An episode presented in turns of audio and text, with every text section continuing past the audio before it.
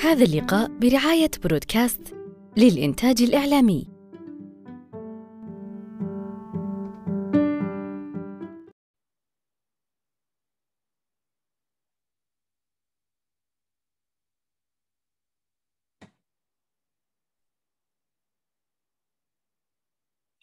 طيب بسم الله الرحمن الرحيم. اللهم صل وسلم على سيدنا محمد. أهلا وسهلا بكم أصدقاء ضاد في اللقاء رقم 155 من لقاءات صالون ضاد الثقافي. أنا وليد العميل وهذا هو مكاننا المعتاد في كل أسبوع في يوم أربعاء الساعة التاسعة مساء. نتناقش ونتحاور نحن في صالون ضاد في هذا التوقيت كل أسبوع عن موضوع ثقافي أو عن كتاب يتم تحديده مسبقا ويتم الإعلان عنه من خلال حسابات صالون ضاد الثقافي التي ستظهر أمامكم بعد قليل في صندوق المحادثات. يقول أنا مجرد حرف مجهول في كتاب العالم منذ صغره تجسدت علاقته بالأدب والشعر حيث كان يجتمع حوله أبناء الحي ليستمعوا إلى عجائب القصص وروائع الأشعار. هو يسردها بأسلوبه المميز. ضيفي وضيفكم هذا المساء هو الأستاذ الكاتب الروائي عادل النعمي كاتب وروائي سعودي يحفظ من الشعر ما يتجاوز الثلاثة آلاف بيت له أربع روايات. مؤلفات رواية التائه وسيد الفوضى وحروف على الماء وأعطيني فرصة لتفهميني. أستاذ عادل لقاءنا هذا المساء عن مبادئ كتابة النص الأدبي ولك كل الفرص لنفهم كيف يكتب النص الأدبي. أهلا وسهلا بك أستاذ عادل. أهلا بك وشكرا جدا لصالون ضاد إنه أعطاني المساحة وشكرا لصبرك علي وجهلي بالتقنية. دائما أنا... دائما جمال التقنية أنها تقرب البعيد وتربطنا إحنا في هذا الفضاء لكن لكل شيء جميل جانب أحيانا فإحنا متعودين إنه نتأخر في اللقاء لتقنية صوت أو لتقنية تسجيل فالوضع طبيعي. تفضل أستاذ. هو المادة اللي أنا بقدمها اليوم هي عبارة عن تقنيات داخل النص الأدبي أستطيع أنه من خلالها أفهم كيف الكتابة. أنا سوف أشرح النص من الداخل. كأنه النص عبارة عن جسد. ونبدأ نعرف تفاصيله من الداخل والانسيابية حق الفقرات والجمل. الناس تظن أنه الكتابة عبارة عن موهبة. الكتابة عبارة عن مهارة. الإنسان لما يتقن المهارة هذه يستطيع أنه يدخل إلى هذا العالم بسهولة. آه في مسافة بين الأشخاص الأشخاص اللي في ناس كثير يجدون الحديث لكن لا يجدون الكتابة المسألة إنه لما الإنسان يبدأ يكتب يقف على يمينه الناقد فيقول له هذا صح وهذا خطأ. فيبدأ يتلبك يبدأ يتردد. يبدأ يكتب على يساره القارئ. يقول له هذا ما هو مفهوم فيشرح المشروع. فيطلع كلامه عبارة عن كلام يعني كلام أج... يعني أسوأ من الكلام اللي يقوله. هو بس الإنسان يحتاج إنه يكون شجاع شوية. ودائما أنا أقول للأشخاص اللي في بداياتهم الكتابة أكتب بالطريقة الروسية. الطريقة الروسية باختصار اللي هي تيار الوعي. إنه كل ما يخطر في بالك أبدأ أسجله كمرحلة أولى. بعدين تنتقل بعدها إنك تجي تشرح النص وتخرج العمود الفقري. للنص سواء هو مقالة أو خاطرة لأنه لما نجي نكتب بهذه الطريقة هيطلع النص هجين. نحتاج هذه اللمسة فقط نفسنا هتشجع تتشجع. النقاط اللي أنا بذكرها على عجالة. أهم نقطتين أنا بذكرها في المقدمة. بذكر الحوارية والصيانية. الحوارية الناس لما تيجي تكتب تكتب برأي واحد. تلغي الآخر ككل لأنه لا أريكم إلا ما أرى. لا بد أني أنا أعطي الجانب الآخر القوة الكافية وأستطيع أني أنا أرد عليه. أرد عليه أنا عندي أدوات كثيرة. أنا سوف أصيغها بطريقة سردية. طريقة المعلومات حق الطرف الآخر. ولما أجي أنا أكتب مثلا مقال أبدأ أكتب عندي 40 طريقة شوبنهار شوبنهار صنعها في أن تكون دائما على صواب. طبعا هو اقتبسها من أرسطو من كتاب الطوبوكيا. آه شوبنهار طبعا الكتاب من 150 سنة.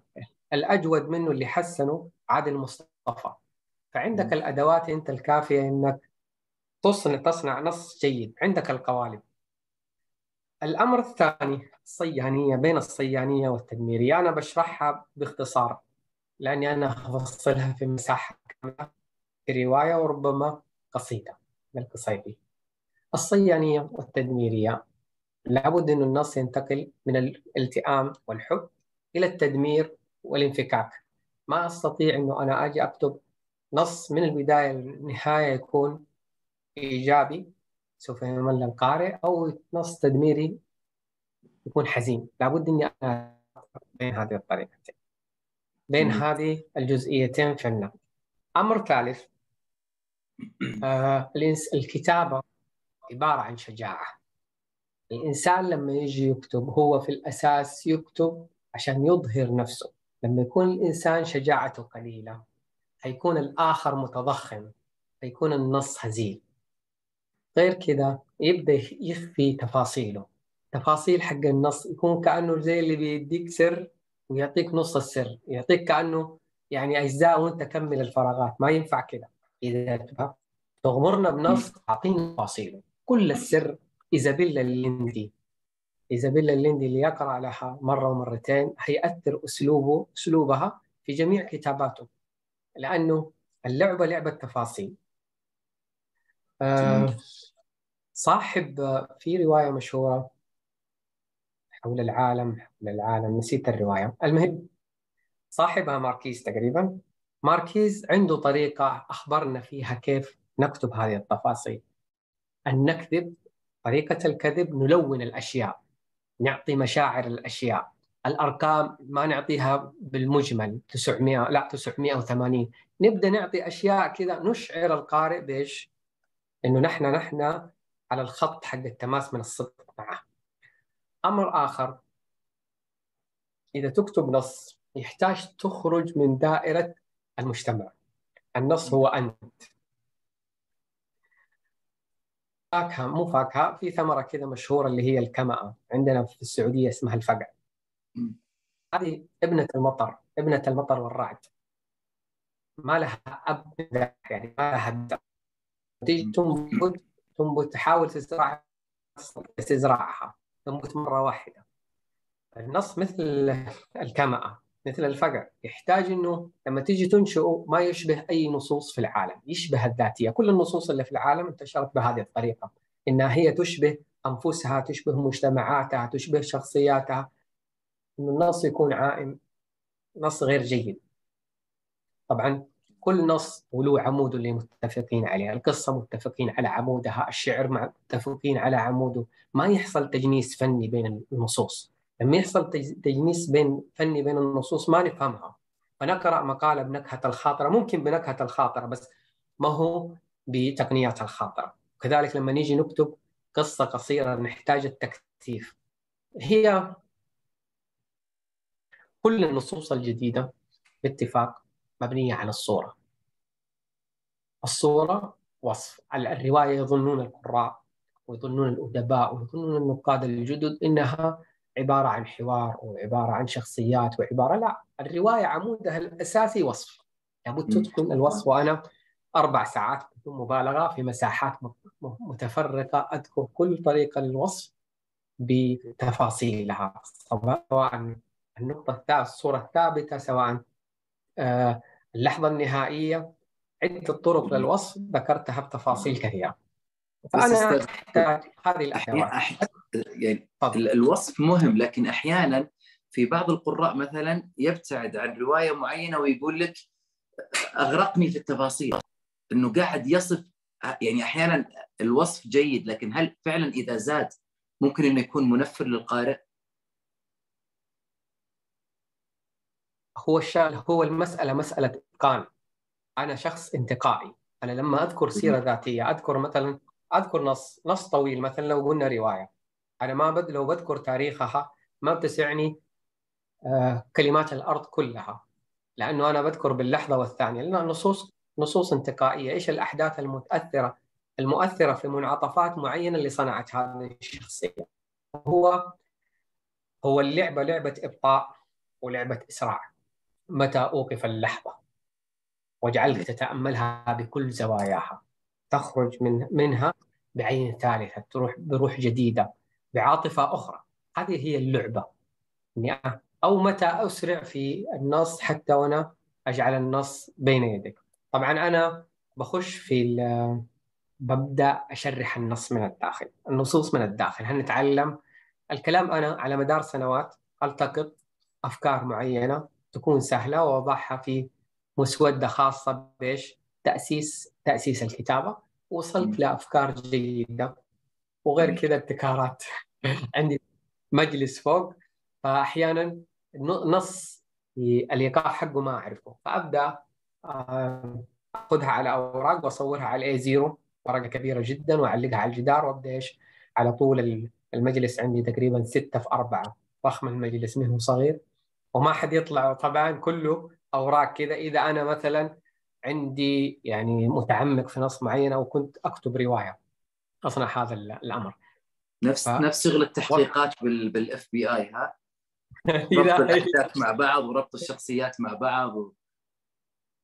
أيوه بالضبط. أنا جميل. وصلت ل وصلت لأشياء النصوص الروائيه خصوصا أعرف إيش إيقاعها من الداخل بسهولة. من يوم ما أبدأ أقرأ الفصل أعرف إيش إيقاعه من الداخل. وممكن نشارككم لو كان الوقت يسمح. لكن المهم الآن أنا أحتاج إنه القارئ يعرف المستمع الحاضر عندنا يعرف إيش هي الجملة ما هي أنواع الجمل إيش تكوين الفقرة من الداخل آه كيف أنا أصنع نصوصي من الداخل كيف أنا أفكفكها أبدأ بالرأس جذع طرف متى أستخدم الطرف متى أستخدم الجذع متى استخدم يعني متى آه، أكتفي بالجذع فقط. أقدر أشاركها عفوا كيف أنا أشارك الصفحة؟ تقدر تسوي أعتقد أستاذة فايزة نقدر نسوي مشاركة صحيح؟ عن طريق الشير. يتاح لك أستاذ عادل؟ طيب. كيف الحال موجود بآخر, بآخر الصفحة أي موجود عند اسم باللون الأخضر إلى الأعلى. أخضر إلى الأعلى. أيوة تمام. طيب. يظهر لك آه، مشاركة الشاشة وتبدأ تفتح الملفات الموجودة عندك على الجهاز. طيب الآن الحين أنا فاتحها. تمام أيوة ظهرت أمامك. واضحة؟ واضح. آه، في أن في طبعا في أنواع للجمل. في جمل دورية وفي جمل فضفاضة وفي جمل مجملة.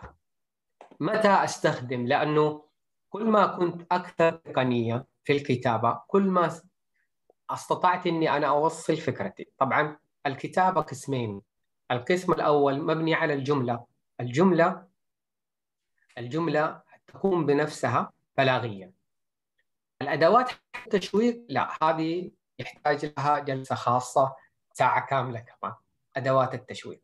لكن خلينا في الأمور السهلة اللي يحتاجها الكاتب يطبقها فورا في داخل النصوص. الجملة الدورية ما أستطيع إني أنا أفهمها إلا أوقف أوقف على آخر كلمة. لو شفنا النص هنا اللي أنا محدده بالأرض لا تلقى عدوك وأنت غير مكترث. الكلمة اللي واضع عليها مكبرها لو أنا لغيتها الجملة ما تعرف ما تفهم. تلقى عدوك وأنت غير غير إيش؟ لكن لا تفكر نفس الحكاية. لا تفكر في ماذا. تفكيرك فيه سوف هذه الطريقة أنا أستخدمها. أستخدمها أنا للتشويق في المقام الأول.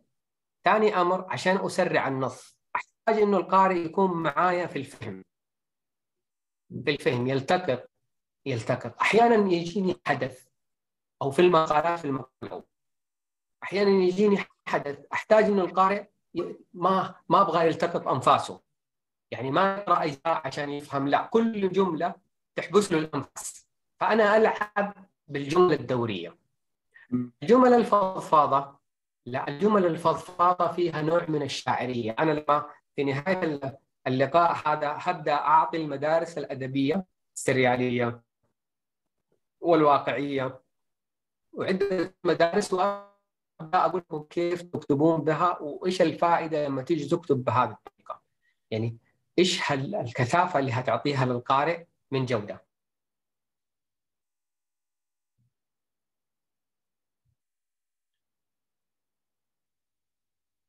جميل. معنا أستاذ عادل يبدو لي في انقطاع في الاتصال آه،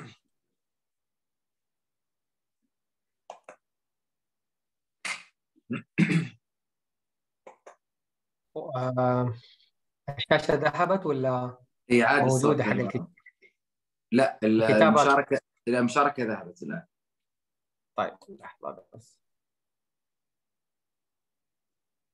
أكون سريع عشان أكون سريع جدا. سريع. جدا عشان الوقت. وغير كذا ما- المادة اللي موجودة عندي يعني هي قليلة لا مو 19 صفحة ممكن أقل من 10 صفحات. الجمل الفضفاضه أنا أستخدمها لما أنا أحتاج إيقاع رومانسي. أه، أستطيع إني أنا أبدل بين الجمل ويفهم المعنى. كان هنا رقص وكان غناء وكان في جد- جدل. أقدر أستطيع أقدر أقول وكان الجميع في جدل وكان رقص وكان غناء. طبيعي إني أنا أتلاعب بالجملة من الداخل. ما تفرق معايا في الجمل الفضفاضه في الجمل المجملة الجمل في العادة أنا أستطيع استخدامها لما أنا أبدأ أبغى أشرح ما بعد.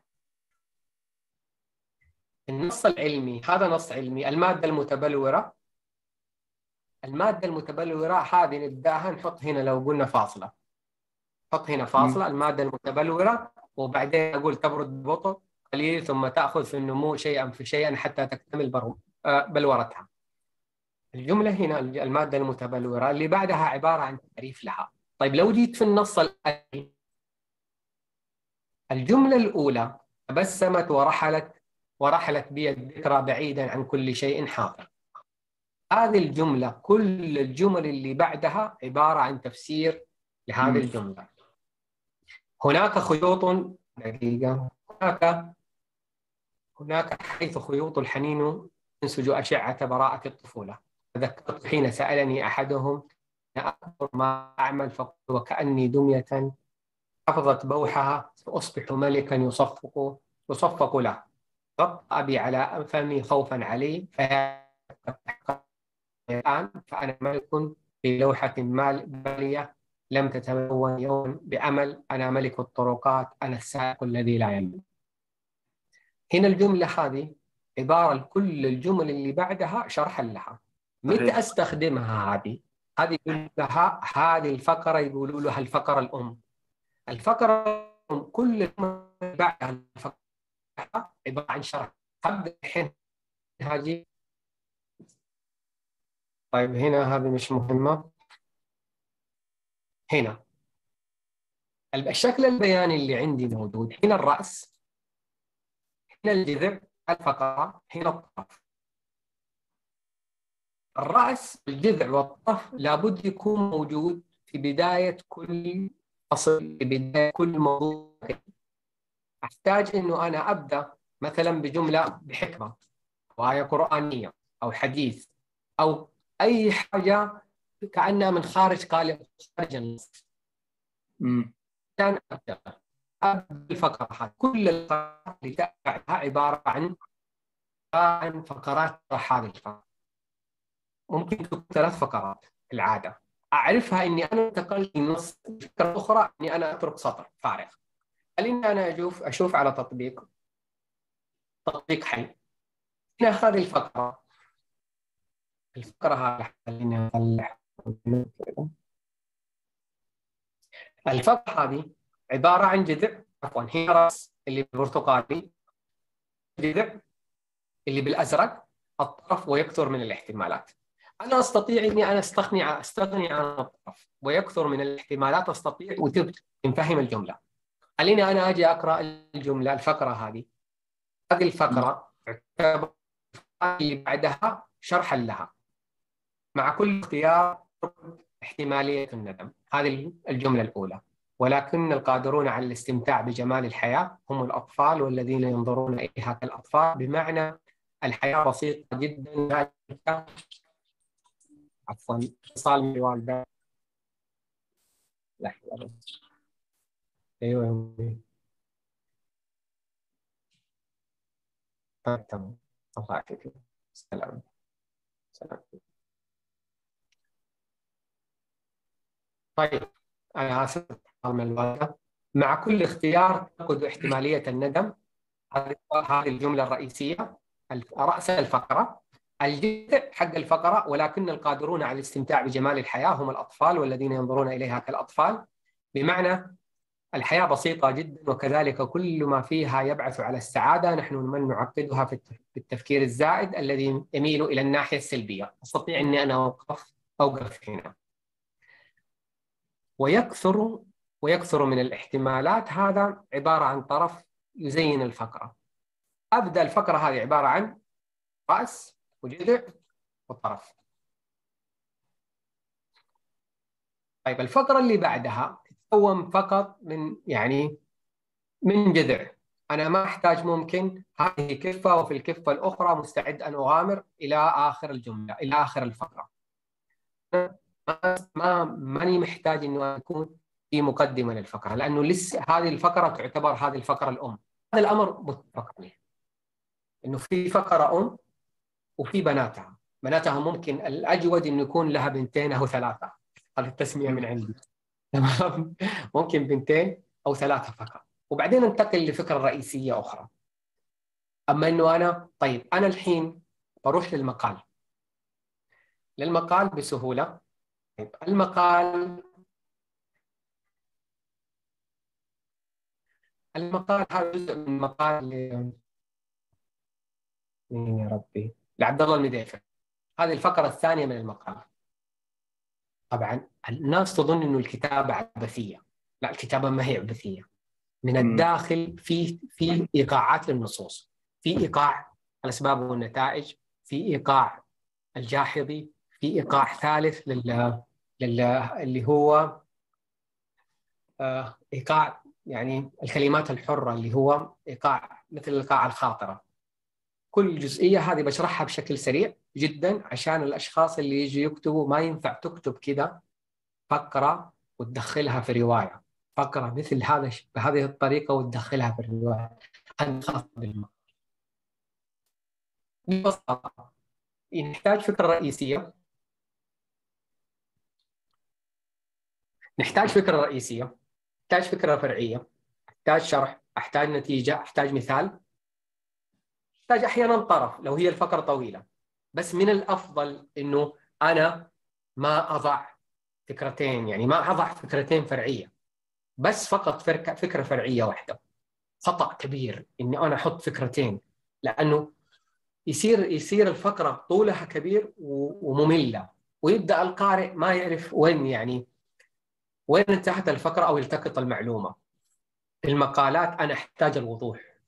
أحتاج المباشرة. ما أحتاج إنه أنا من القارئ أحتاج إنه يتامل هذه ممكن في الخاطرة في الشعر في بمقام أعلى. طيب لو جيت ببساطة لقد استطاع هذا البائع أن يبيع سلعته ويحقق أهدافه عن طريق شخصيته المقنعة. هنا شخصيته المقنعة بكبرها. هذه الفكرة الرئيسية. هو يتكلم عن الشخصية المقنعة. نيجي من الفكرة الرئيسية ننتقل لفكرة فرعية. هذا الأمر متفق عليه. أحيانا لا لا مو متفق عليه. أحيانا تكون الفكرة الرئيسية ويكون شرح ونتيجة. ما أحتاج. النص يتقولب على حسب ما يراه الكاتب. باللاوعي حقه. يعني ما يفكر إنه أنا أحتاج فكرة رئيسية فكرة فرعية شرح نتيجة مثال. ما أحتاج. أو وأنتهي بطرف. ما أحتاج. أحيانا النص هو هو يكتب من يكتب ذاته. لأنه لما يجي النص داخلي أنا اعطيت له المساحة الكافية إنه يختمر يبدأ ينساب بسهولة بعكس إنه أنا اعصر وعصر لما اعصر وعصر النص ما يشبهني النص هذا متكلف. طيب. نرجع للفكرة. هنا الفكرة الرئيسية نتكلم عن الشخصية المقنعة اللي أنا محددها. بعدين وهذه الكاريزما انتقل من فكرة الرئيسيه الاقناع الشخصية المقنعة إلى فكرة فرعية وهذا الكاريزما المقنعة. يتكلم عن الكاريزما المقنعة. كان خلفها عدة عوامل. انتقل لفكرة فرعية أخرى. تسلسل لفكرة فرعية أخرى. الشخص الذي يفقد الثقة لا يمكن أن يكون مقنعا. بدأ يشرح الفكرة. تمام. بدأ يشرح فكرة الثقة بالنفس. طيب وبالتالي لم يكن بحاجة لعدد كبير من الكلمات والحيل ليقنعني بسلعته. هذه النتيجة. المفروض من المدافر أنه يقف على هذه الفقرة بهذا الشكل وننزل سطر. ونبدأ نقول ومن العوامل ونترك ثلاثة ثلاثة أحرف في العادة. ومن العوامل المهمة التي اتكى عليها هذا الشخص عفوا الذي اتكى عليها هذا المقنع الصدق. الفكرة الفرعية فيها معلومة. الفكرة الفرعية يا دائما يا تكون فيها معلومة يا يكون فيها رأي. فالكاذب لا يمكن أن يكون مقنعا. شرح. هنا شرح. والناس يستسلمون لمن يبسط صدقه لهم ويربط علاقته بهم من غير أكاذيب. هذه تأكيد للشرح. فنحن دائما ما نشكك في تسويق البائعين فكرة فرعية. لأن المصداقية بهم في اصطحابنا لبحثهم عن مصالحهم على حسابنا. هنا شرح. هنا عشان الفقرة طويلة فيها فكرتين رئيسية. خلى لها طرف. هو ما يحتاج الطرف. وبذلك تكون أضلاع المثلث الأول للإقناع هي الصدق الثقة والصدق والحرص على مصلحة الطرفين. الفقرة هذه طويلة جدا. المفروض قلت لكم يقسمها قسمتين قسمين عشان تتضح للقارئ. هذا أسلوب إيش؟ أسلوب الأسباب والنتائج. هذه أنا أستخدمه أنا أستخدمه في قلب المقالات لكن ما أستخدمه في قلب يصبح النص موجه خطابي أنا ما أحتاج الخطابية. طيب هنتقل بشكل سريع للأسلوب الجاحظي الأسلوب الجاحظي كل فقرة لها إيقاع هذه تحتاج ثقافة كبيرة جدا صراحة. ثقافة كبيرة جدا لأنه لما الإنسان يجي يكتب يحتاج إنه يسلطن على آخر مزاج ويبدأ يكون غير منطقي.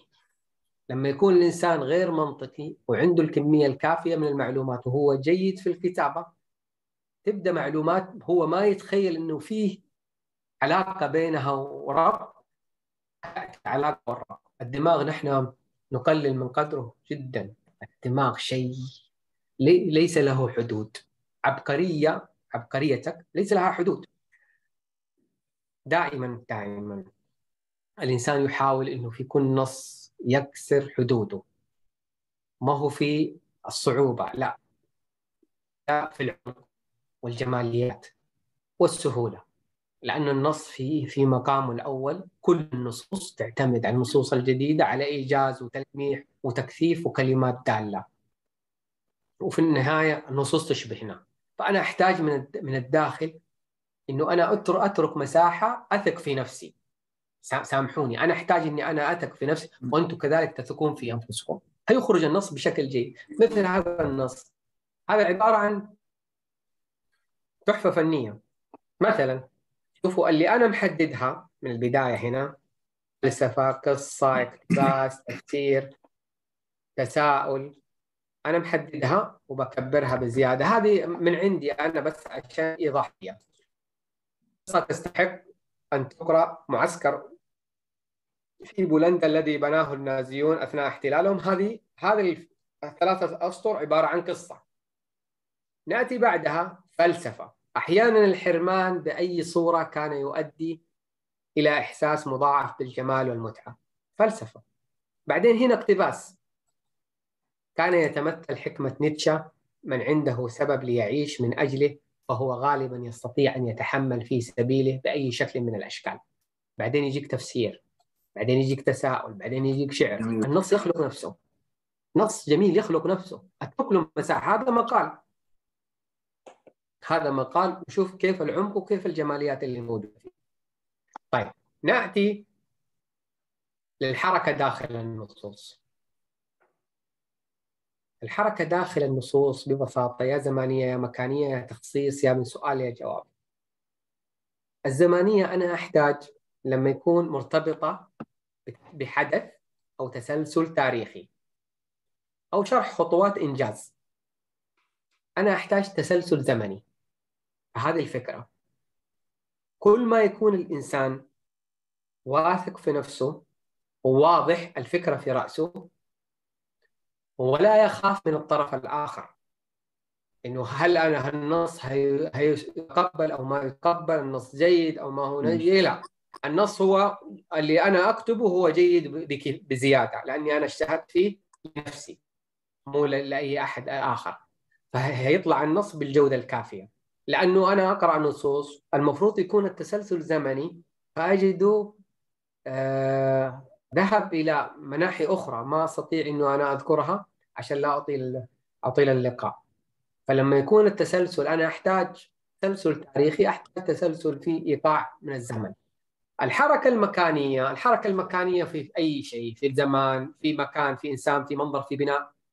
النص عبارة عن طبقات عشان أكون واضح. دعيني بس خليني ألغي كيف ألغي؟ لحظة. كيف أرجع الشاشة نلغي مشاركة الشاشة على بال ما نلغي أستاذ عادل اسمح لي أذكر في لقائنا القادم وبعدين باخذ مداخلة أستاذ أحمد وبعدين نرجع نكمل محاورنا. لقائنا القادم إن شاء الله في الأسبوع القادم بنتكلم عن آه، مستويات الوعي عند هاوكنز اللي بيقدمها الأستاذ مرعي محمد. إذا سمحت لي أستاذ عادل نبي ناخذ مداخلة الكاتب أحمد بعدين نرجع لاستكمال المحاور عشان طولنا على أحمد. آه، أحمد طيب. المايك معك تفضل. يا هلا والله السلام عليكم ورحمة الله وبركاته أنا سعيد أنا سعيد جدا إني متواجد معكم هذه الليلة ولكن عندي اعتذار للأستاذ عادل النعمي لأنه التبس علي الاسم مع البروفيسور المعروف الدكتور حسن النعمي فأنا أعتذر منك أستاذ عادل آه بالنسبة لنقطتك اللي ذكرتها في البداية حابب أني أكد عليها من كتاب الحقيقة والكتابة الأستاذ بثين العيسى لأنها تقول اكذب حتى تصل إلى الحقيقة. فالكاتب يعني يستمر في آه أنه يبني الأكاذيب حتى يصل في النهاية إلى الحقيقة سواء حقيقة مطلقة حقيقة ثابتة حقيقة مختلفة عنها أيا كان. أيضا أنا حضرت ورشة عمل لأحد الرواد أيضا في المجال الأدبي الأستاذ يحيى العلكمي وقال إنه تقريبا 99% من الأفكار على الأرض قد تمت آه، كتابتها. لذلك أنت دورك الآن في انك كيف تخلق عالمك الخاص من الأشياء اللي تم كتابتها في السابق. عندي أنا استفسارين للأستاذ عادل النعمي. أول حاجة أنا عندي كتاب مشابه لكتاب آه، البروفيسور حسن النعمي اللي هو اسمه كتاب قيس يمكن. هي عبارة عن يوميات تقريبا 30 آه، يوم. كل يوم بيصير فيها حدث منفصل. أبغى أعرف أنا كيف أصنف هذا الكتاب؟ هل هي مجموعة آه، قصصية؟ هل هي قصص قصيرة؟ الأمر الآخر الآن أنا شغال قاعد أراجع رواية كتبتها عام 2017 اسمها رواية كسرة خبز. لكن عندي إشكالية في الفصل الأول ماني قادر كيف أتفاداها. الإشكالية إنه البطل بيحاول يعرف عن آه، نفسه عن الحياة اللي هو عايشها الواقع اللي, اللي عايشه. كل ما أقرأ النص أشعر كأني أنا ما زلت بأكتب بأسلوب أطفال الابتدائية. إنه والله مثلا صحيت هذا اليوم آه رحت أتناول طعام الإفطار أنا ساكن في هذه المدينة الفلانية. أبى أحاول أتجاوز أبى أحاول أوصل إلى حاجة أكبر من كذا. وشكرا جزيلا لكم. شكرا لك أستاذ أحمد. المايك معك أستاذ عادل. اليوميات 30 يوم ويتكلم عن يومياته. هذا ما نقدر نصنفه لا قصة ولا سيرة ولا كيف ممكن يصنف؟ هذا سؤال الأستاذ الأول الأول. السؤال الثاني اذا إذا وصل الكاتب إلى منطقة ما يقدر يتجاوزها إيش الحل؟ طيب صوتي واضح؟ إي تمام مسموع. طيب هذه يقولوا لها متوالية قصصية. متوالية قصصية ممكن. كل فصل من الفصول له أحداثه وله أبطال المختلفين اللي شايلين نفسهم. يعني فعلا كان هم يحتاجوا انه يكونوا بهذا العمق وبهذه المساحة. القاص البطل ينتقل إلى حدث آخر. شخصيات مختلفين بنفس القوة وبنفس بضخامة الأحداث ويلغوا الأشخاص اللي سابقين. فهذه يقولوا لها في الفن متوالية قصصية. جميل. إذا الكاتب وق... يعني توقف في صفحات معينة عند حدث معين في روايته أو عمله سواء قصص أو رواية وما قدر يتجاوزه إيش إيش الحل اللي ممكن هذه يسويها الكاتب؟ إيش الإجراء الأمثل؟ صارت معك ولا لا أستاذ والله أنا بصراحة أنا أكتب في الشتاء. أنا أسافر في أساس في الخريف وأجي أكتب في الشتاء كل سنة. فاكتب أربع أشهر فقط. فطوال السنة يكون الأفكار مختزلة داخلي. لما أجي أكتب أكتب بدون توقف. لكن الكتابة هي هي بخيلة هي كائن متصل فيه الاساس حريه الإلهام يحتاج الإنسان عشان يستجلبها يعطيها من المساحة من الحريه يعني من الحرية. عندما يحاول إنه يضغط عليها وإنها تخرج أسرارها ترفض تهرب منه إلى قاع المحيط. يحتاج فقط إنه يترك بسلام يعني في في عالم الخيال وعالم الإبداع. هو أنا أعدك إنها تأتي لك بالعجائب.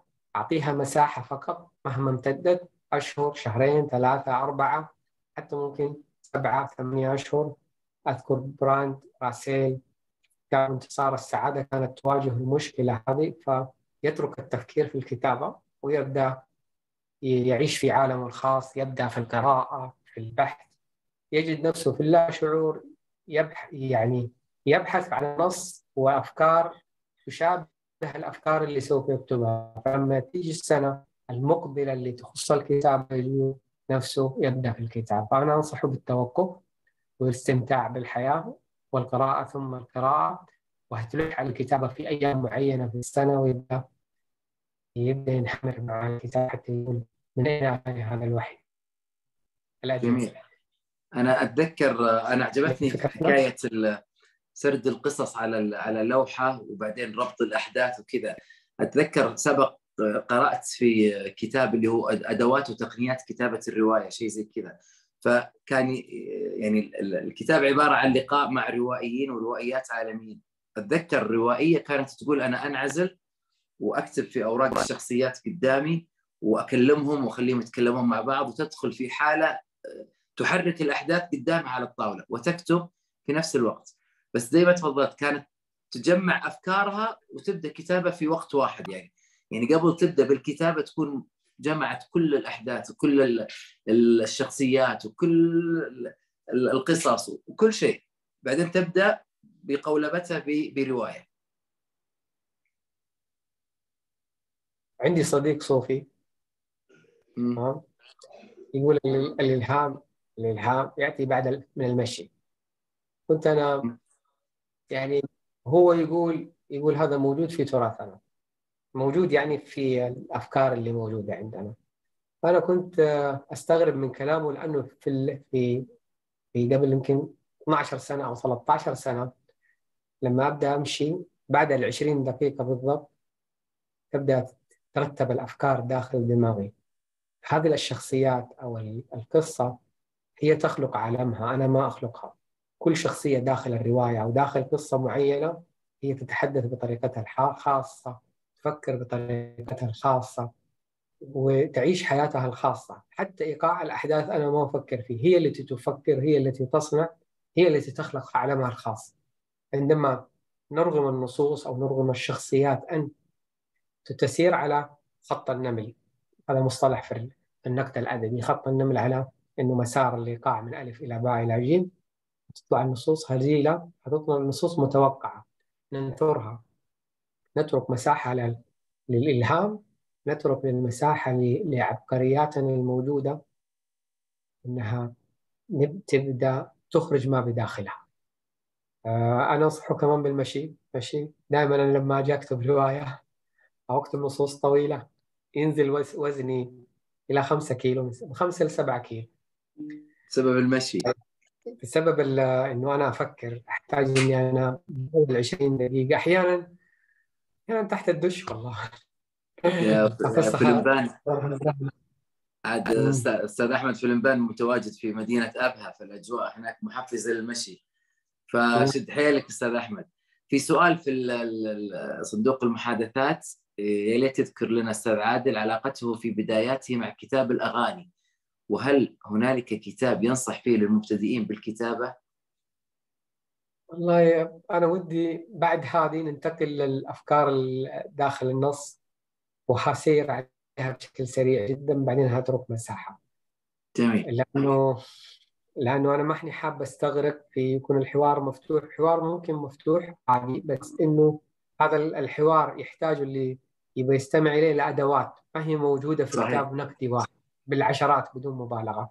ممكن فوق ال 50 أو 70 بس أسحب سطرين ثلاثة تكون للمبتدئين يستطيع إنه يحل النص يعني أنا أذكر لقاء بدون مبالغة مع شخص محضر الدكتوراه فواحد يقول له الملتقي معه كيف نحل النص؟ قال ما في أدوات.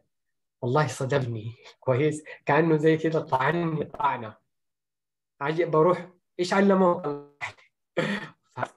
أنا بدون مبالغة أشخاص في 18 في 19 سنة نستطيع إنه ممكن في 15 سنة نستطيع إنه ينقد نص بسهولة. ويقول لك هذا النص جيد أو النص هذا قاعد يضحك علينا. استنادا إلى الأدوات. استنادا إلى الادوات اللي أنا أعطيكم إياها. جميل. ماني أطول لكن رد على السؤال. هي هي القصة صراحة طريفة. بس إنه متحددين بالساعة لأنه خلاص خلصنا. لا إحنا لا إحنا إلى 10 ونص بإذن الله. طيب هقولها بشكل سريع إذا وقتك يسمح. لا والله أنا خلاوي لا مال ولا ولا. تمام لأنه تأخرنا ربع ساعة فبنعوضها بإذن الله. أيوه تمام. هو كنت أحب ألعب كورة.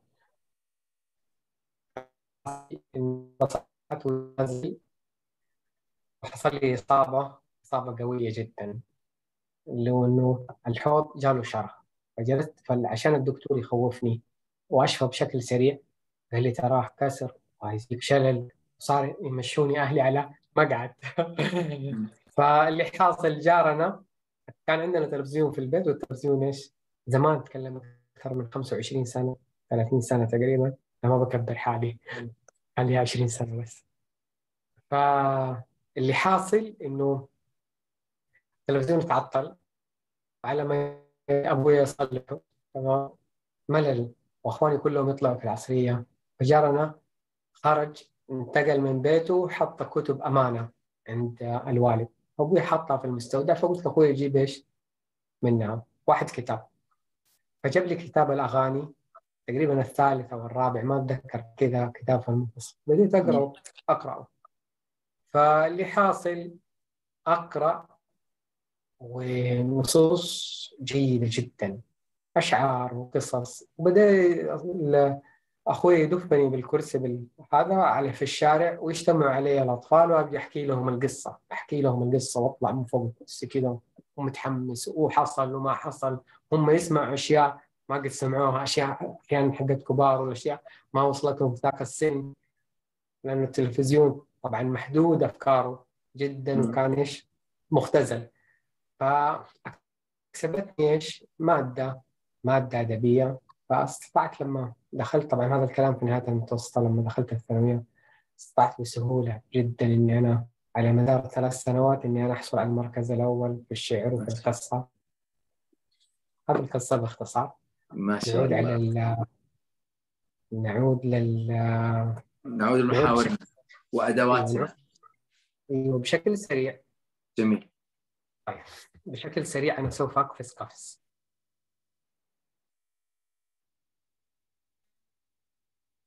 آه.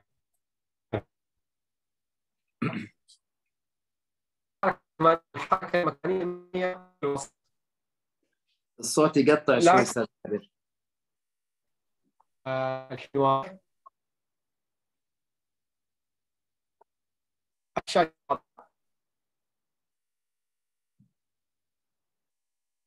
يا كريم واضح. واضح طيب. الآن؟ إي تمام. الآن طيب. وأنا احتاج من حركة مكانية من المهم الحركة المكانية والزمان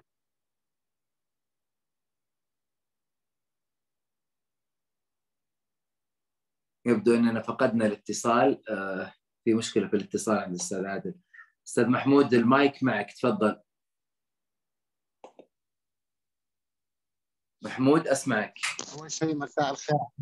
هلا وسهلا أبو عمر. مساء الخير عليك أبو خالد. مساء النور أهلا. يسعد مساكم جميعا. جميلة أنا الحقيقة أنا كنت محضر إنه أكون موجود معكم من البداية وكانت عندي مجموعة كبيرة من الأسئلة إنه أقدمها لكم ولكن للأسف انشغلت انشغال مهم. وكنت كل ما أدخل على المحاضرة أسمع كلام جميل جدا. فبإذن الله تعالى ننتظر على احر من الجمر إن شاء الله التسجيل لليوتيوب بإذن الله تعالى. وأبو خالد منورنا اليوم أنت وضيفنا الكريم. تسلم حبيبي نورك.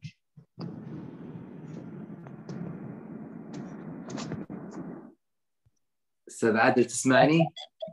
أنا ما كنت محمود المايك معك تفضل. إذا في سؤال أنا أسجله الآن أستاذ عادل موجود معنا. أقول أنا كنت أقول إنه إن شاء الله بإذن الله تعالى تكونوا تكلمتوا فيها من خلال كلامكم بهذا المحور المهم عن عن الروايات. ما أدري إذا كان في موجود شيء عن الروايات وعن الكتابة الروائية ولا لا. إن شاء الله هذا أكيد كله راح أكتشفه أنا بعدين في لما أحضر الجلسه بإذن الله. شكرا لكم أهلا وسهلا. بإذن الله. بإذن الله سنتطرق إلى القصة القصيرة ومدارس القصة القصيرة وأشكال السرد و... وكيف نخلق التشويق في الأحداث. يبدو لي هذه في أشياء فيها مشتركة مع الروايات. أستاذ عادل المايك معك. طيب بشكل سريع الصوت واضح؟ إيه الآن واضح. يبدو لي إذا شغلنا ال ال طيب ال العرض مع الكاميرا مع الصوت يصير في ضغط على الإنترنت. ما أعرف أنا كيف ألغي الكاميرا. طيب أنا الكاميرا. الكاميرا. الصوت إيه واضح؟ آه الآن الصوت واضح. طيب. تفضل.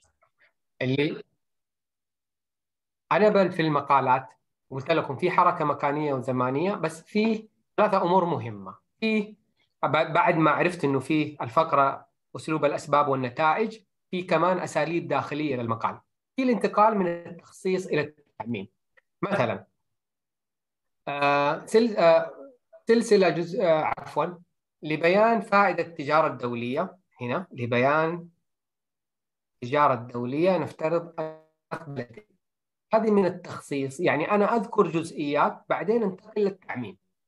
أنا أتكلم بس إنه هناك بلدين وسلعتين القمح والمنسوجات. وأبدأ أتكلم عنها بشرح. وأصل في النهاية في نهاية الفقرة إنه وهذه الأسئلة تنطبق على جميع بلدان العالم وجميع السلع.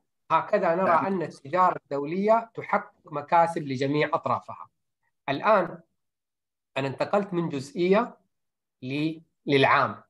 وأقدر أعكسها. أتكلم من العام مثلا إني أنا أتكلم أتكلم عن التجارة الدولية وأبدأ أذكر تفاصيلها بشرح معين وأوصل إلى هذه النتيجة. فاحيانا أستطيع أن انتقل من التخصيص إلى التعميم أو من التعميم إلى التخصيص. طيب مهم مهم. أه لحظة خليني ألغي المساحة. ألغي الشبكة.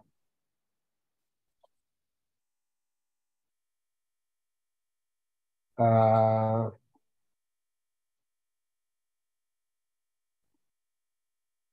الآن الصورة واضحة؟ طيب. تمام. حدد مستويات المعنى. مستويات المعنى أحتاج وجها لوجه؟ الغي صورتي واضحة؟ اي تمام. ولا شيء؟ طيب. مستويات المعنى في خمسة مستويات تقريبا. أنا أستطيع إنه أنا أعرف الكاتب هذا. هل هو جيد في إبداء رأيه؟ طبعا هو المعلومة. بعد ما أحدد الفقرة كم فق الفقرة هل تحتوي معلومة أو ما تحتوي معلومة؟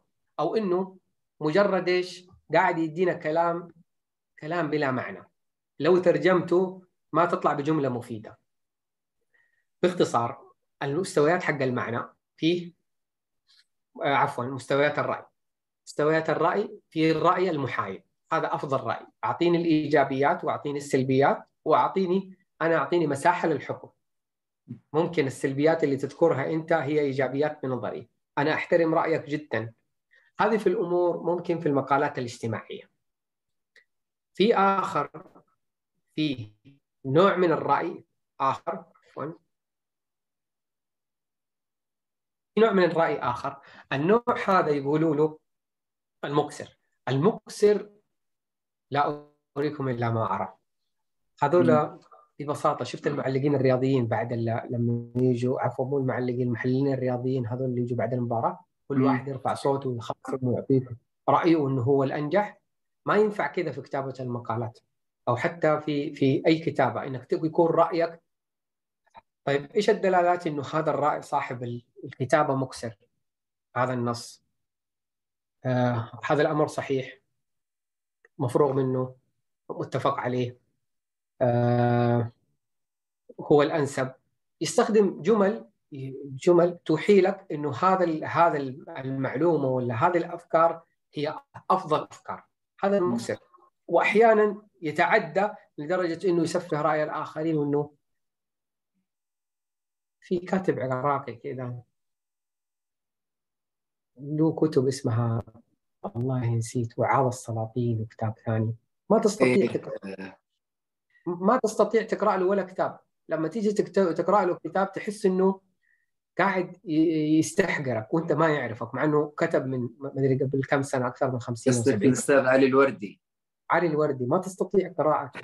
ما تستطيع قراءته بشكل جيد. في نوع من من الكبرياء ونوع من التوجيه ونوع من فرض السيطرة وإنه المعلومات هو أفهم واحد. الكتابة ما بتيجي بهذه الطريقة. ابدا ما تيجي بهذه الطريقة. فهذه الكتابه المكسر هذا النوع الرأي المكسر. نجي على قلنا محايد ومكسر نجي معظم. المعظم هذا سالفة. ما في معلومة بس يجي أجمل شيء أروع شيء. آه يلعب على الناحية العاطفية يلعب على المشاعر يلعب على الأحاسيس. بس داخل النص يدور على ممكن في الخاطرة حلوة. عادي لأنه هذه لعبة الخاطرة. لكن ما ينفع في مقالات ما ينفع في رواية تجيني الرواية تكون كلها أجزاء كلها خواطر وكلها ما فيها معلومة. آه، مثلا لو جيت أنا برتجل بتكلم عن موضوع اجتماعي أي موضوع كان اجتماعي يبدأ كل الكلمات اللي موجودة فيه كلها مشاعر.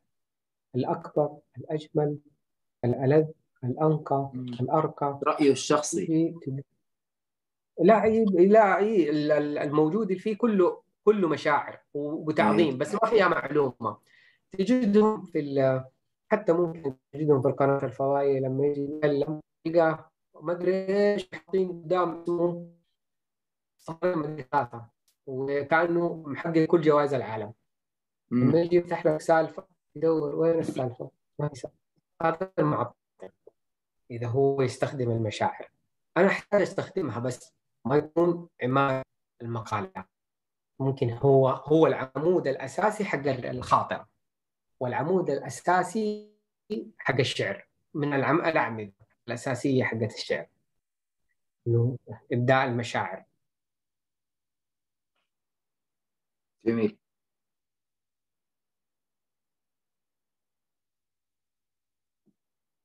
أستاذ عادل تسمعني؟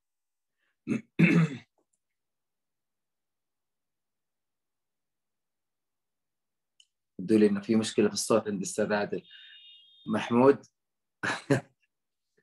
طبعا الأستاذ محمود هو من أشد المعجبين بالدكتور علي الوردي فعشان كذا الموضوع كان صادم بالنسبة له.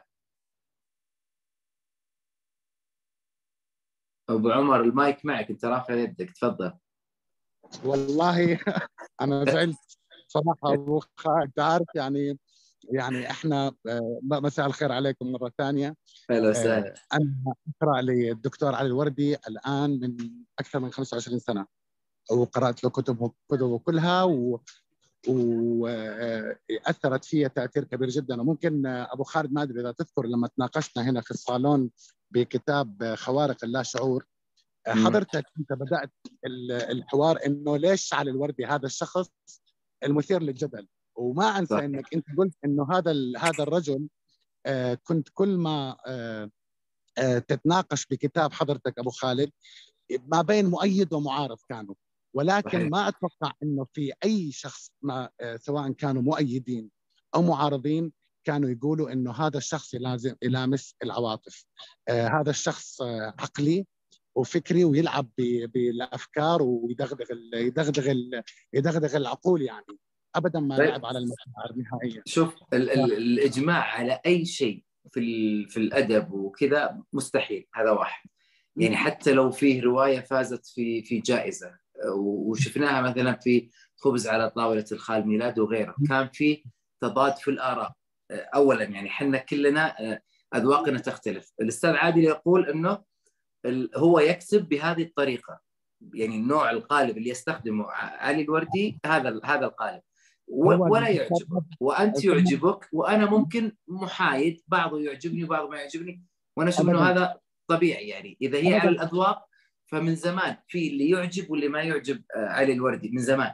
لكن أبداً. تصنيف الأستاذ عادل من ناحية إنه القالب اللي يتخذه.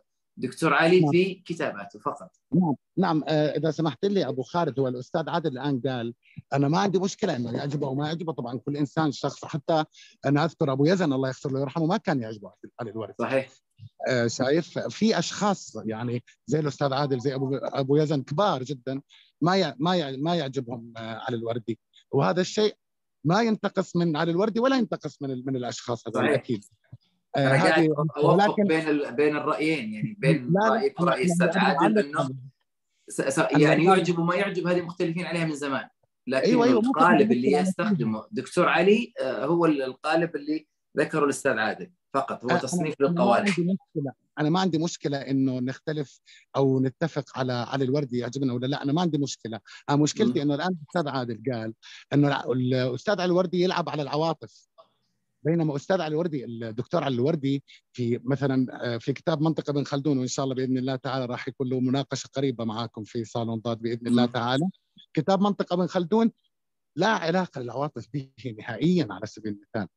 آه، كتاب خوارق اللاشعور يجيب كلام علمي كله. كتاب آه، أسطورة الأدب الرفيع كتاب وعاظ السلاطين. في جميع كتبه الدكتور علي الوردي. حتى في كتبه هو في عنده كتب كثير عن العراق وعن تاريخ العراق وعن شخصية الفرد العراقي ما لها علاقة نهائيا الناحية العاطفية والمشاعرية بالموضوع. دائما يتكلم بموضوع عقلي بمواضيع أكاديمي يتكلم أكاديميا. هذا الرجل مؤسس علم الاجتماع في العراق كان. الله يغفر له ويرحمه. هو مؤسس كلية علم الاجتماع في العراق.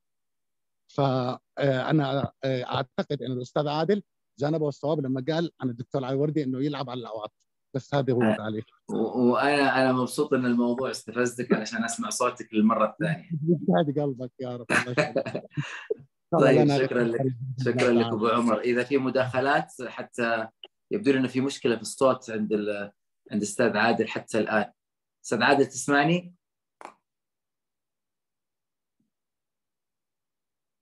أستاذ عادل؟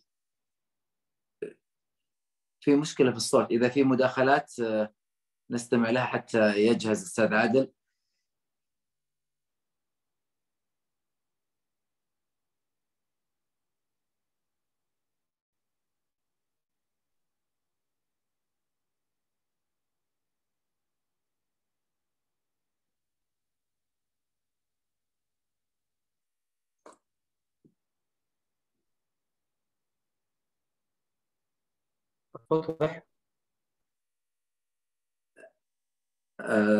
تتكلم حتى نسمعك أستاذ عادل؟ يبدو لي في مشكلة في الصوت عندك. طيب ناخذ أبو يارا أستاذ مفلح المايك معك. أبو يارا. السلام عليكم. السلام ورحمة الله. هلا وسهلا. طبعا عرض جميل والله واستمتعنا فيه وأفادنا كثير.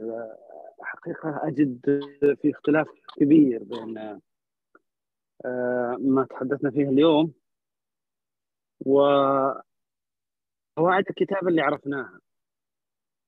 يعني هذا الجديد اللي هو يتكلم عن أنواع العبارات وصراحة مصطلحات أنا ماني ضليع في الموضوع هذا ولا ولا قرأت فيه كثير. واستمتعت بأشياء جديدة علي. يعني هي قواعد للكتابه بشكل عام أو تقريبا أرى أن استاذنا أستاذ عادل يعني توجه بشكل مباشر للحديث عن الكتابة السرديه أو القصصية. آه يعني هناك فنون أخرى كثيرة للأدب. تبدا من الشعر آه طبعا القصيدة، المقال، القصة، الرواية، الأقصوصة، آه يعني أنواع كثيرة لكن هل هذه أنا سؤالي هل هذه التوصيات والتوجيهات التي تحدث عنها الأستاذ عادل أه تنسحب على كل الفنون الأدبية أم أنها لأني أنا شعرت أنها أه تخص أو تصب في جانب السرد القصصي؟ طيب آه أنا بس يكون واضح. ابو يار اسمح لي أنا بسالك وأنا أعرف إنه أنت مهتم في الشعر. هل الشعر يخضع إلى مثل هذه القوالب؟ يخضع؟ لا لا يخضع إلى هذه القوالب. لا الشعر والأوزان الشعرية ما تعتبر قوالب أبو يارا؟ لا لا أتكلم أنت عندما قلت القوالب أنا ذهب ذهني إلى القوالب الذي التي تحدث عنها لا لا لا أقصد الأوزان أنا أشوفها كأنها أكيد. قوالب بالمقال أكيد. وقوالب. أكيد أكيد صحيح. الشعر لها له قوالبه الخاصة. آه الوزن أحد هذه القوالب. والوزن لا يعني لا تقاس جودة القصيدة هل هي موزونه أو غير موزونه لأن ما هو غير موزون ليس شعرا أصلا. نحن نتحدث دائما عندما تسمع مثلا أحد النقاد يثني على المتنبي مثلا كاسم معروف لا يمكن أن تجد في كتب النقد من يثني على المتنبي بأنه يزن قصائده بشكل صحيح. لا أحد يتحدث عن هذا. الوزن شيء مفروغ منه. آه، تماما الحديث عن أشياء أخرى فوق الوزن وفوق المعنى وفوق وضوح المعنى وفوق جمال الدلالة. لا هناك مقاييس أكثر خصوصية من من كل هذا. ممكن لخصت في في ما يسمى بعمود الشعر. طبعا جميل. عمود الشعر يختلف تماما عن المصطلح الحديث اللي يسمى الشعر العمودي. لا هناك أشياء تتعلق بجودة القصيدة. لخصها المرزوقي في كتابه في مقدمة كتابه شرح ديوان الحماسة. تحدث عن ما يسمى بعمود الشعر العربي. ذكر منها أشياء شرف المعنى ووضوح الدلالة آه، والإلماح آه، أن الشعر مبني على اللمح. الشعر لا يعرض المعنى بوضوح. لا لا يورد الشعور آه، بالعبارات الواضحة العادية. لا. الشعر كما يقول البحتري الشعر لمح تكفي إشارته. وليس بالهذر طولة خطبه. آه الشعر حالة خاصة من الفنون الأدبية كلها. آه العبارات التراكيب آه الألفاظ الصور الرمز المعاني الجديدة التراكيب المبتكرة. كل هذه تدخل في جودة القصيدة. آه النثر موضوعها مختلف. تماما بإذن الله بيكون لنا لقاء عن هذه البحور لكن اسمح لي إنه أسحب سؤالك إلى الأستاذ عادل بما انه إن شاء الله الصوت الآن آه، أفضل عند الأستاذ عادل. أستاذ عادل المايك معك تفضل. أستاذ عادل إذا تسمحني إذا تسمعني في سؤال من آه، ابو يارا يتكلم عن آه، هل تنسحب على كل هذه تنسحب هذه القوالب على كل الفنون الأدبية لا أنا أتكلم دحين أتكلم المقالة. بس لا طيب لو قلنا كل الفنون الأدبية لو رحنا للقصة والشعر والنثر والخواطر والرواية هل ممكن أو هل لها قوالبها الخاصة؟ نعم. نعم. جميل. الإيقاع مختلف. كل نص وله إيقاع وله بنية من مختلفة. ولها لها قالبها. أنا الحين بس قاعد أسوي زي كذا. صار. بس قاعد أتكلم كذا مفاهيم سريعة عن المقال لأنه أنا أحتاج نحن لا في الشعور في اللا شعور. صوتي واضح؟ تمام واضح. صوتي واضح؟ واضح. في اللا شعور نجعل هو الخطابية الكلام المباشر فقط في المقال. في اللا شعور نجد يخرج الواعظ منا ونبدأ نطعمه في الخاطرة نطعمه في الرواية ممكن عشر صفحات ما ينفع. ما ينفع. فأنا ليش أنا أتكلم دحين عن عن المقال بالخصوص؟ لأنه أنا أقول لك المقال هو المقال فقط. ما تدخل فنه يعني بفنون ما تجنس الفن بجنس بجنس آخر. ما تدخل ما تدخل على الخاطرة ما تدخل عليه آه، جنس الرواية. القصة لا. القصة لعبتها مختلفة. لابد إنه تكون حكي. لأنه في فرق بين الحكاية وبين القصة. لما أوظف القصة داخل المقال أنا أحتاج إنها تكون حكاية. الحكاية حتخرج من التسلسل من الألعاب الزمنية. الألعاب الزمنية أنا ما أحتاج فلاش باك استرجاع. أنا ما أحتاج استشراف للمستقبل. أنا ما أحتاج استغراق في اللحظة. فقط أنا أبغى من النقطة ألف للنقطة باء. سردية. القصص الأبطال حق الشخصية أنا بمحي صوتهم واخلي صوتي هو الصوت الوحيد. وأبدأ بالتسلسل السردي إنه أنا ببني بس فقط على المفاجأة. حصل كذا حصل كذا بس فقط. هذه في المقالة. لما اخرج التهى يعني آخذ القصة وأجعلها حكاية وأجعلها في في المقال.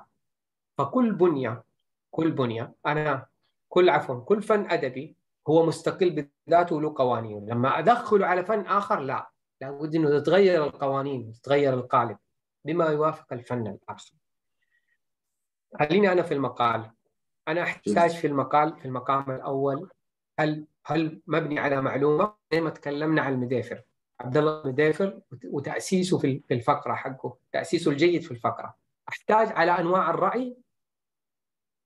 أنواع الرأي وأحتاج على انواع مستوى المعنى. أنواع الرأي أنا قلت منها قلت قلت المكسر قلت قلت المتوازن الساحر فيلم الكر لما بدأ بداية الفيلم في الجزء الأخير.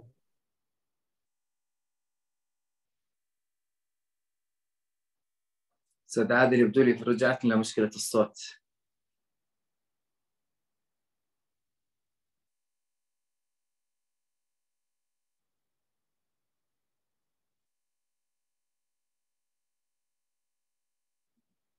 أستاذ عادل تسمعني؟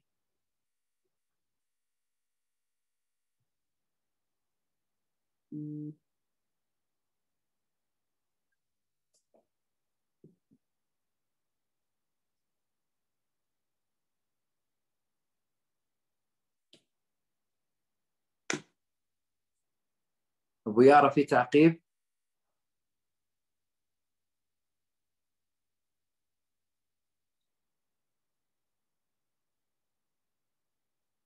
أستاذ مفلح إذا في تعقيب المايك معك.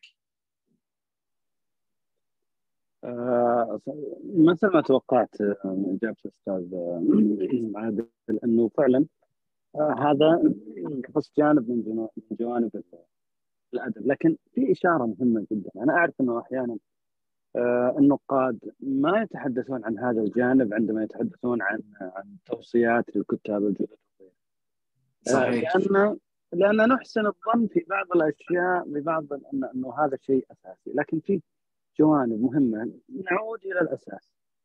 بالنهاية الأداة التي توصل بها أفكارك هي اللغة. فلا بد أنك تمتلك لغة جيدة حتى تؤدي هذه الأفكار. يعني المادة التي تبنى منها العبارة هي اللغة. وللأسف أحيانا نجد من من يقرأ ومن يملك الفكرة ومن يملك الموهبة في الإبداع لكن عد إلى اساسه اللغوي تجد عنده ضعف. عنده ضعف أساسا في البنية النحوية للجملة.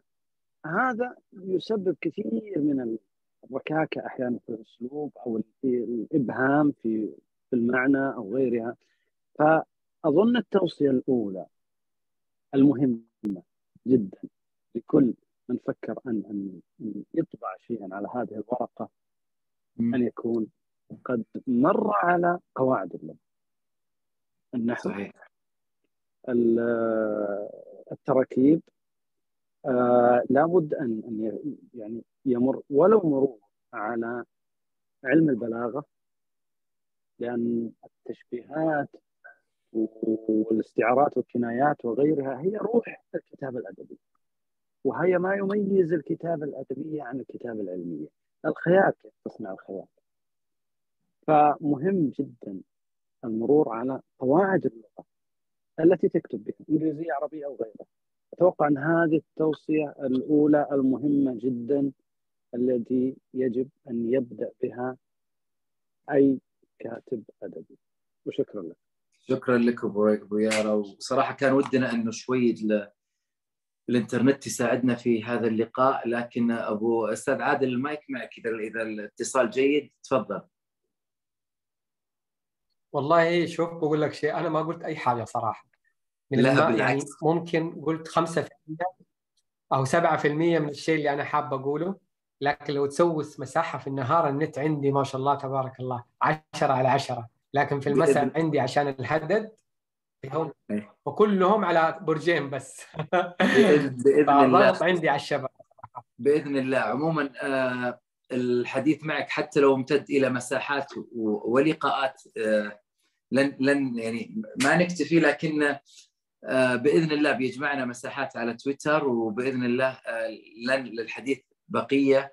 في سؤال بس إنه كان في بالي وسألت عنه الأستاذة فاطمة إنه هل المعلومات اللي ذكرتها موجودة موثقة في كتاب للي بيروح يأخذها ويقرأها؟ أو أنا كنت بسأل السؤال إنه هل المادة اللي عرضت قبل شوي أستاذ عادل بيطبعها وبتكون منشورة ونستفيد منها؟